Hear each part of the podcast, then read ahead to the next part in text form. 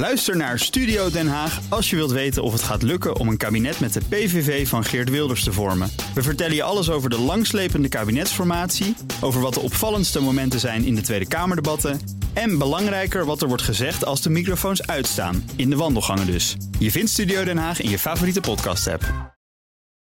Het is vijf over half vijf. Zondag is het zover. De eerste EK-wedstrijd van het Nederlands elftal. In de Johan Cruijff Arena spelen ze tegen Oekraïne. En bij een groot toernooi gaat Nederland normaal gesproken helemaal los. Tom, het is uh, een enorm feest. Zo'n 100 tot 125.000 mensen zijn inmiddels in Amsterdam onderweg naar het Museumplein. Politie heeft al gezegd, uh, kom nou alsjeblieft nog, niet nog meer mensen. Uh, er zijn nog treinen onderweg, de perrons zijn nog vol. De NS roept inmiddels om, alsjeblieft gaat u gewoon naar huis, want u komt er niet meer bij. Ja, uh, pre-corona, de finale van het WK 2010 was dit. Museumplein.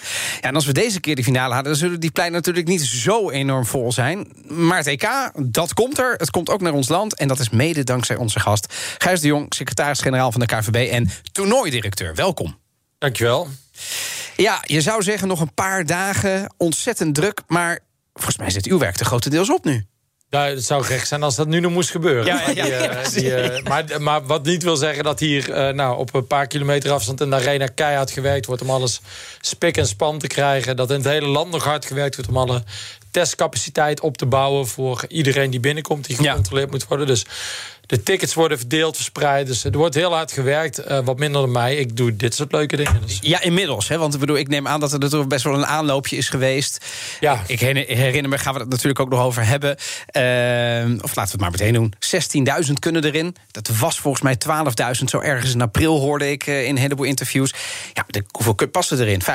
50.000 ruim in de, in, de, in de arena. Kortom, het is natuurlijk niet wat je hoopt. Maar dit is het maximaal haalbare, toch? En heb je het onderste uit de moment- kan Ja, dat denk ik wel. En, die, kijk, en, en uiteindelijk, het onderste kan uiteindelijk is het natuurlijk aan het RIVM en, en het kabinet Zeker. om de grens te bepalen. Niet aan, uh, aan de KNVB of aan mij, uh, aan mij persoonlijk. Nee, want dan weten we wel dat die grens iets was opgerekt, ja, toch? dat denk ik wel. Ja. Dan, dan zouden we al richting de 50.000 gaan, denk ik. Dat Maar, was vrij snel, ja. maar dus, nee, de- nee, dat is natuurlijk een enorm karwei geweest. Nog een stap terug. Hè. Zou het eigenlijk toernooi natuurlijk vorig jaar gespeeld zijn. ja. Uh, toen werd het afgelast, werd Ja. het verplaatst. En we hard moeten werken. En met veel dank ook aan, uh, aan, uh, aan de burgemeester, aan de wethouder hier uh, voor de hulp. Aan de Johan Cruijff Arena, aan, uh, aan de mensen van Schiphol, aan de mensen van, van het kabinet dat het verplaatst mocht worden. Dus dat is gelukt. Want het heeft natuurlijk wat voeten in de aarde. En het heet ook Ja, en nog er zijn het ook EK steden- 2020. Het is ook niet veranderd qua naamstelling. Nee, dat is ook, ook een beetje om de, de, de, hoe noem je dat, een beetje de weerbaarheid te laten zien. En dat we ons Oh ja. niet laten stoppen, maar dat we gewoon doorgaan. Dat is bij de Olympische Spelen ook zo, hè? Ja. Daar hebben ze het ook gewoon 2020 gehouden. Ja. Volgens mij is het ook hartstikke kostbaar om dat allemaal weer helemaal om te gooien, speelt ook toch? wel een beetje mee. Ja. Heel Dat, nieuw eh, logo. Dat in de zin dat alle aankleding die nu aangebracht wordt, die was al gereden. Dus als Ja. je dat opnieuw gaat doen, dan had Over, over de financiën gesproken. eh. Maakt het nou uit voor jullie, voor ons... 50.000 of 16.000 slechts? Nou ja, korte termijn uh, niet. Of tenminste, niet veel. Hè. De, de, want korte termijn, zeg maar, de begroting is Ja. grofweg 10 miljoen... voor Ja. de vier wedstrijden die gespeeld worden. Daarvoor wordt 8 miljoen wordt door UEFA betaald. Ah. En 2 miljoen wordt door, uh, door het kabinet, door, door het ministerie van VWS betaald. Omdat we ook zeg maar, een, nou, een legacy-programma hè, daarachteraan hebben Ja. zitten. Of eraan vast hebben zitten. Dus korte termijn niet. Tegelijkertijd is het wel zo dat UEFA op zijn hele begroting... geloof ik iets van grofweg 397 miljoen op dit moment naar beneden gaat. Oei. Dus dat moet op een gegeven moment wel een keer ergens terugkomen. Want dat betalen ze nu een groot deel uit hun eigen vermogen. Ze hebben een groot eigen vermogen, grofweg 500 Diepe miljoen. zakken zou uh, Wopke Hoekstra zeggen. Ja, maar die, en die zijn opgebouwd voor dit soort momenten. Dat je, uh, Precies. dat je, dat je het slecht hebt. Uh, maar dat moet wel weer aangezuiverd worden richting 2027. Dat is nu eigenlijk het plan. Hè? Dat is in, in een jaar of vijf, zes dat het aangezuiverd wordt. Dus in de komende jaren hopen ze eigenlijk een paar besparingen te kunnen doen. Misschien ook uh, wat, wat, op een aantal punten meer winst te maken dan ze verwacht hadden. En daarmee weer dat eigen vermogen aan te zuiveren. Maar dat betekent dus op de korte termijn... nee, merken we er niet zoveel Nee. van.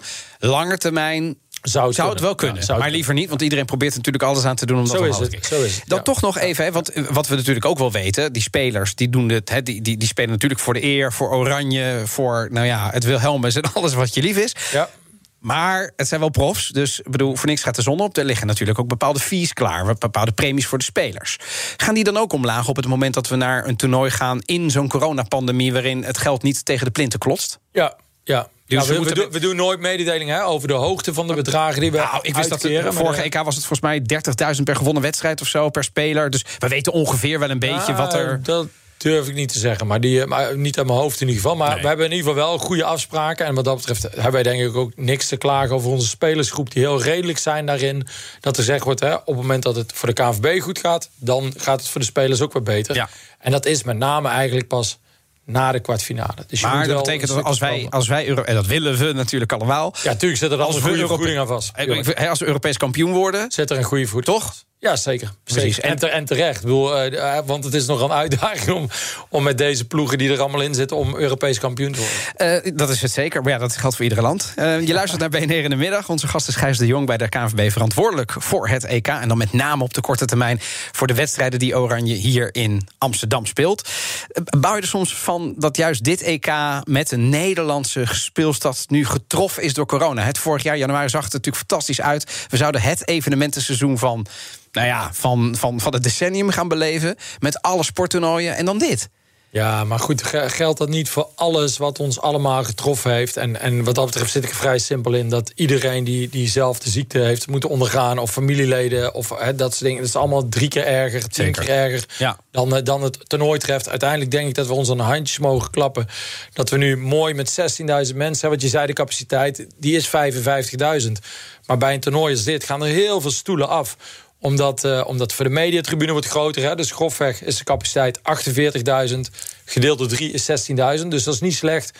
We doen dat beter dan München, beter dan Rome, beter dan Londen, eh, beter dan Ja, want Glasgow. Rome is openingswedstrijd. Waarom is die, die, die Nou, hebben nog cap- minder? capaciteit, Ja, die zit op precies. 25% Wij zitten op 33. Je kan Kijk. ook kijken naar Sint-Petersburg en naar Baku. Ja, en Budapest, die zitten wat hoger. Ja, Ja, zo. oké. Maar goed. Hoe, hoe vind je dat eh, de mensen verder in het land in de wedstrijd zitten? Als ik, ik keek in mijn straat, toen zag ik van het weekend al de eerste twee huizen die werden in oranje opgetuigd. Toen dacht ik, kijk, het begint een beetje te komen. Maar dat was het ook. Ik zag ook Nee, niet veel meer. komen. Het Ja? gaat echt komen. En, en ik, merk, nou, ik merk het zelf. Hè, natuurlijk moeten mensen even wennen. Je ziet nu wel dat de reclames toenemen in de supermarkten meer. We hebben natuurlijk recent twee oefenwedstrijden gespeeld. Het is een hele korte eh, eh, voorbereiding ook. Hè. Korter dan normaal, zeg maar. Omdat het seizoen een beetje ingedikt is. Ja, je kan niet echt dat verheugen of zo op een of andere manier.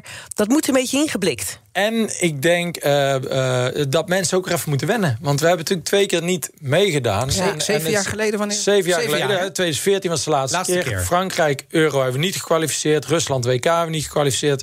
Eh, en nu een jaartje extra moeten We wachten. mogen weer. Ja, al dat oranje spul even zo. uit de kelder getrokken Nou, worden. ik- Even stof ik, letterlijk. Ik, ik heb een paar oranje dingen tevoorschijn. Maar wat misschien wel anders is deze keer, dat is het samen. Kijk, wat normaal klonk het ongeveer zo. Groot scherm. Oh, lekker in de kroeg. In de Ik kroeg. altijd op een tafel staan, anders zag ik niks. Ja, ik ken het. En eh, vervolgens, ja. Eh, wat, wat, ver- wat verwacht je dit jaar? Ehm, misschien op wat kleinere schaal? Ah, ik zal geen, geen voorspellingen doen die niet mogen van het RIVM. Maar die, eh, kijk, ik, nou, ik, denk, ik denk dat mensen. Hè, de, de, ik bedoel, ik heb zelf eh, drie jonge kinderen van 18 en 12. Die, eh, die eh, zijn natuurlijk helemaal niet gewend aan dit soort toernooien. Eh, dus ik zit zelf in het stadion. Maar ik denk dat mijn kinderen met mijn vrouw eh, lekker met familie. Dat is toch eigenlijk ook eh, gek? Sorry hoor. Je hebt drie kinderen gekregen die alle drie gewoon niet weten wat dit is. Ja, maar dat is toch bizar? Dat is en die, bizar, die, die ja. hebben het nog nooit, nooit bewust beleefd. En die, en die gaan nu. en gewoon ik voel me ineens oud, dat ook. Maar, Ja, ja, ik ook. Dat geldt voor mij ook. Nou, ik moest laatst, laatst hadden we een discussie met collega's. Ze zeiden, wat is jou je mooiste EK-herinnering? Ik zei, nou ja, 88 natuurlijk. Het- Toen was ik 16. Dus eh, vond ik fantastisch. En ik kan me herinneren dat ik met, de, nou, op een gegeven moment de vlag de deur uitrende. Zo blij waren we dat we van Duitsland wonnen. Eh, en dan zeggen heel veel collega's, ja, het was niet geboren. Ik denk, oh god. ja, dat. Ja, Is maar het al we, kennen, Ja. we kennen die beelden nog wel. Wat is er Ehm, gebeurd? da- da- Dan ook eh, even naar de, naar de doelstelling. Hè? Want ik bedoel, Ja. jullie, ja, de KNVB wil graag het EK ook een beetje naar Nederland halen. Dat is, daarvoor, daarvoor is de bond natuurlijk ook een beetje op aarde. Ja. Maar ik kan me ook voorstellen dat je er een bepaald doel mee hebt. Wat hoop je dan? Ja, wat er kijk, gebeurt? De, de, wij proberen internationale evenementen naar Nederland te halen. Dat doen we nu met de Euro. Volgend jaar met de Futsal Euro. Hè. Die spelen we in, eh, in Ziggo Dome en eh, Martini Plaza in Groningen. Dat, daar richten we ons echt op de stedelijke jeugd. Ja. Eh, daarna de eh, zaalvoetbal voor de mensen die... Hè? Ja, daarna doen we Champions League finale vrouwen in Eindhoven. Kijk. Dat proberen we het clubteam bij de vrouwen aan te jagen. We zijn druk bezig met de Duitse bond en de Belgische bond om het WK vrouwen in 2027 naar Nederland te halen. Steeds om, om, op, om op een bepaalde doelgroep uh, te jagen. En we hebben eigenlijk gezegd in 2017, na de Women's Euro uh, die hier was in Nederland, van dat zou eigenlijk de benchmark moeten zijn, omdat die één sportief succesvol was. Zeker. Twee, was gewoon een gaaf evenement. Mensen hebben veel plezier aan gehad. Maar drie, er is echt iets blijvends veranderd bij, in het Nederlands voetbal. Namelijk? Uh, nou, dat, dat uh, vaders, moeders, uh, opa's, oma's in één keer dacht van... hé, hey, voetbal is wel degelijk een vrouwensport.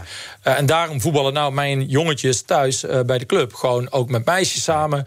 zien we steeds met meisjes die voetballen. gaan we ook de, de Leeuwinnen aanmoedigen. Hebben we niet meer elk jaar een toernooi. Maar, of niet elke twee jaar een toernooi, maar eigenlijk elk jaar een toernooi. Ja.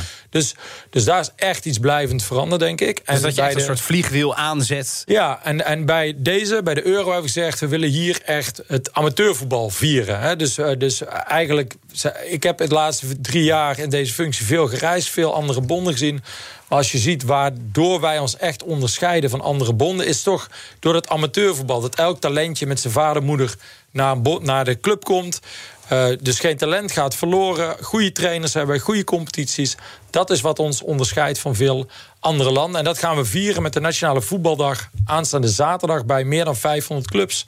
Uh, waar we de verbinding vieren. En dat onze kinderen dus bij die clubs leren winnen, verliezen. Uh, samenspelen, incasseren, luisteren naar de trainer. Uh, dat soort zaken. Heel Nationale leuk. Voetbaldag. Tot slot, heel kort, 26 juni, laatste wedstrijd in Amsterdam. Wat ga je daarna doen? Uh, ik hoop dat ik dan de volgende ochtend naar Budapest vlieg. Ik heb wel een ticket geboekt alvast, want de rest gaat allemaal dan een dag eerder. Maar ik dacht, ik moet wel mee als we dan uh, eerst in de groep worden. Want dan gaan we naar Budapest voor oh, ja. de Round of 16. Jongens, het begint nu ticket toch wel is een dus beetje... al geboekt. Voor mij is het geboekt, ja. Ja, optimist. Het begint toch een beetje te komen, nu we het er zo ja. over hebben. Gijs de Jong, de secretaris-generaal van de KVB... en vooral toernooidirecteur op dit moment van het EK in Nederland. Dank ook Hugo Reitsma vind je in de BNR-app. Superhandig die BNR-app. Je kunt alle programma's live luisteren, breaking nieuwsmeldingen. Je blijft op de hoogte van het laatste zakelijke nieuws. En je vindt er alle BNR-podcasts, waaronder natuurlijk de belangrijkste, Boeken zijn in de wijk. Download nu de gratis BNR-app en blijf scherp.